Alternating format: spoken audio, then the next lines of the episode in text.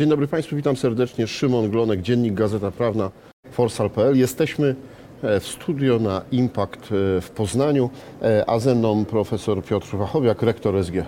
Dzień dobry Dzień, Panie Profesorze. dzień dobry panie redaktorze, dzień dobry państwu. Panie Profesorze, niedawno wrócił Pan z Walencji, ale to nie wakacje, tylko ważne spotkanie na temat edukacji.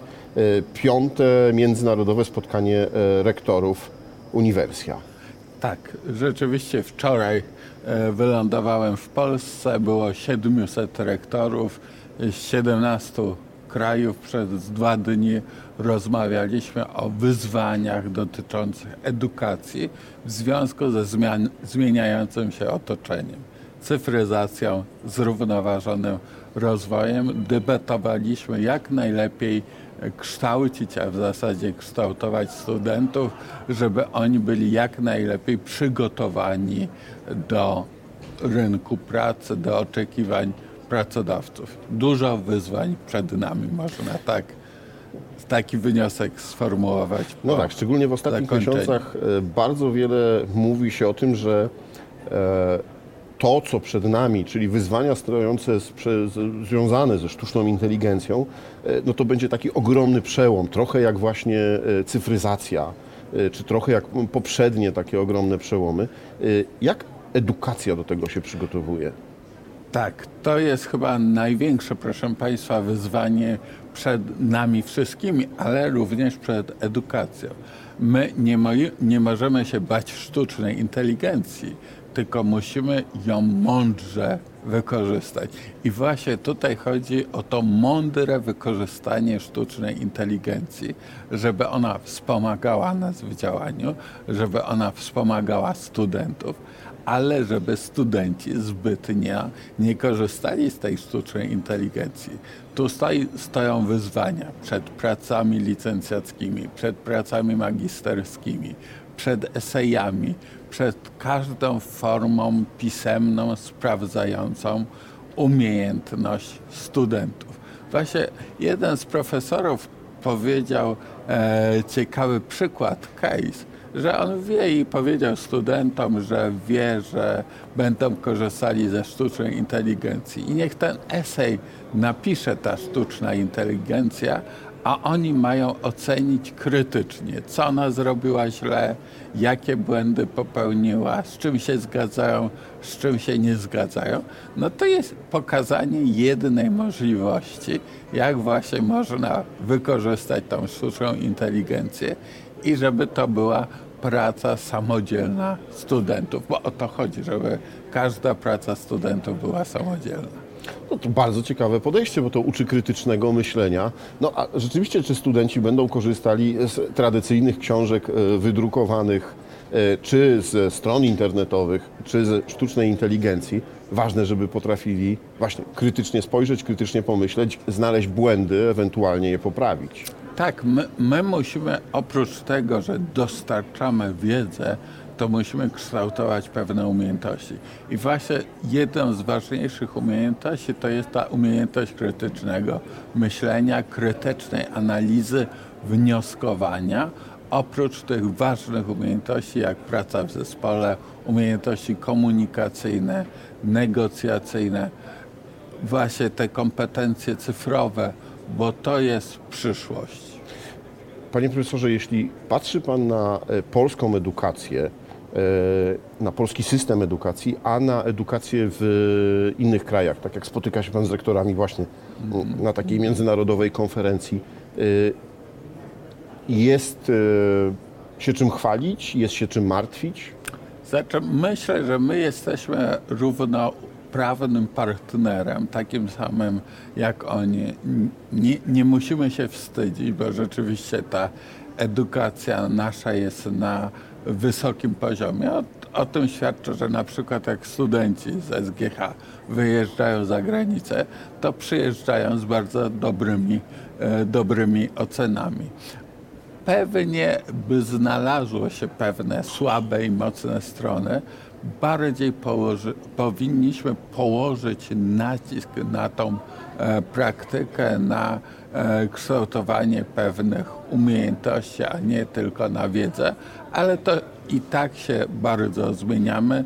coraz częściej przywiązujemy wagę do kształtowania umiejętności, do kształtowania postaw wobec, wokół tych najważniejszych wa- wartości. Panie profesorze, jako y, wszyscy Polacy, jako całe społeczeństwo przeszliśmy w ostatnim roku przyspieszony kurs y, ekonomii. Y, musieliśmy sobie przypomnieć, co to jest inflacja, y, co to są stopy procentowe wysokie. Y, przez długi czas się tym nie interesowaliśmy, bo, bo, bo jakby mało nas to dotykało. Y, ale ta edukacja ekonomiczna nadal nie jest chyba powszechna y, w Polsce. Tak, tu jest dużo do zrobienia i to pewnie jest też nasza wina, że my za mało poświęcaliśmy uwagi na, uwaga na temat edukacji ekonomicznej e, społeczeństwa. Rzeczywiście ta edukacja ekonomiczna jest na, bym powiedział, no, średnim poziomie, prawda? Dlatego też na przykład na naszej uczelni chcemy od przyszłego roku akademickiego uruchomić otwarty uniwersytet ekonomiczny, właśnie który będzie kształcił społeczeństwo. Za darmo oczywiście realizując swoją misję e, społeczną, bo chcemy właśnie jak najbardziej tą edukację ekonomiczną podnieść jej e, poziom.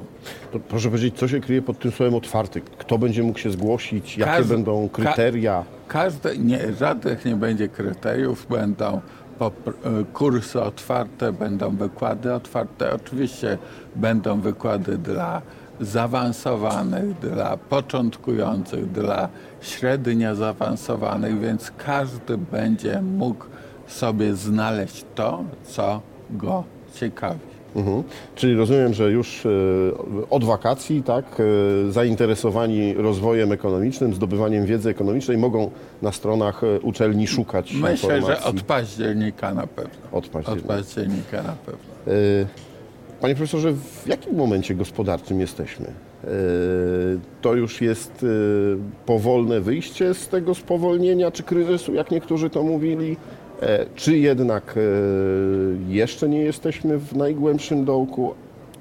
Znaczy, ja jestem optymistą i, i twierdzę, że powoli wychodzimy z kryzysu, co nie znaczy, że za chwilę nie może się pojawić nowy kryzys. My jednak do tych kryzysów powinniśmy się przyzwyczaić, dlatego też powinniśmy budować gospodarkę odporną właśnie na różnego rodzaju kryzysy, ale cały czas jednak działamy w warunkach turbulencji, że te zmiany są trudne do przewidzenia, nagłe, ale nasza gospodarka chyba już do tych zmian się przyzwyczaiła i całkiem dobrze sobie e, radzi. Oczywiście są problemy. No, ten problem, o którym Pan e, wspomniał z inflacją.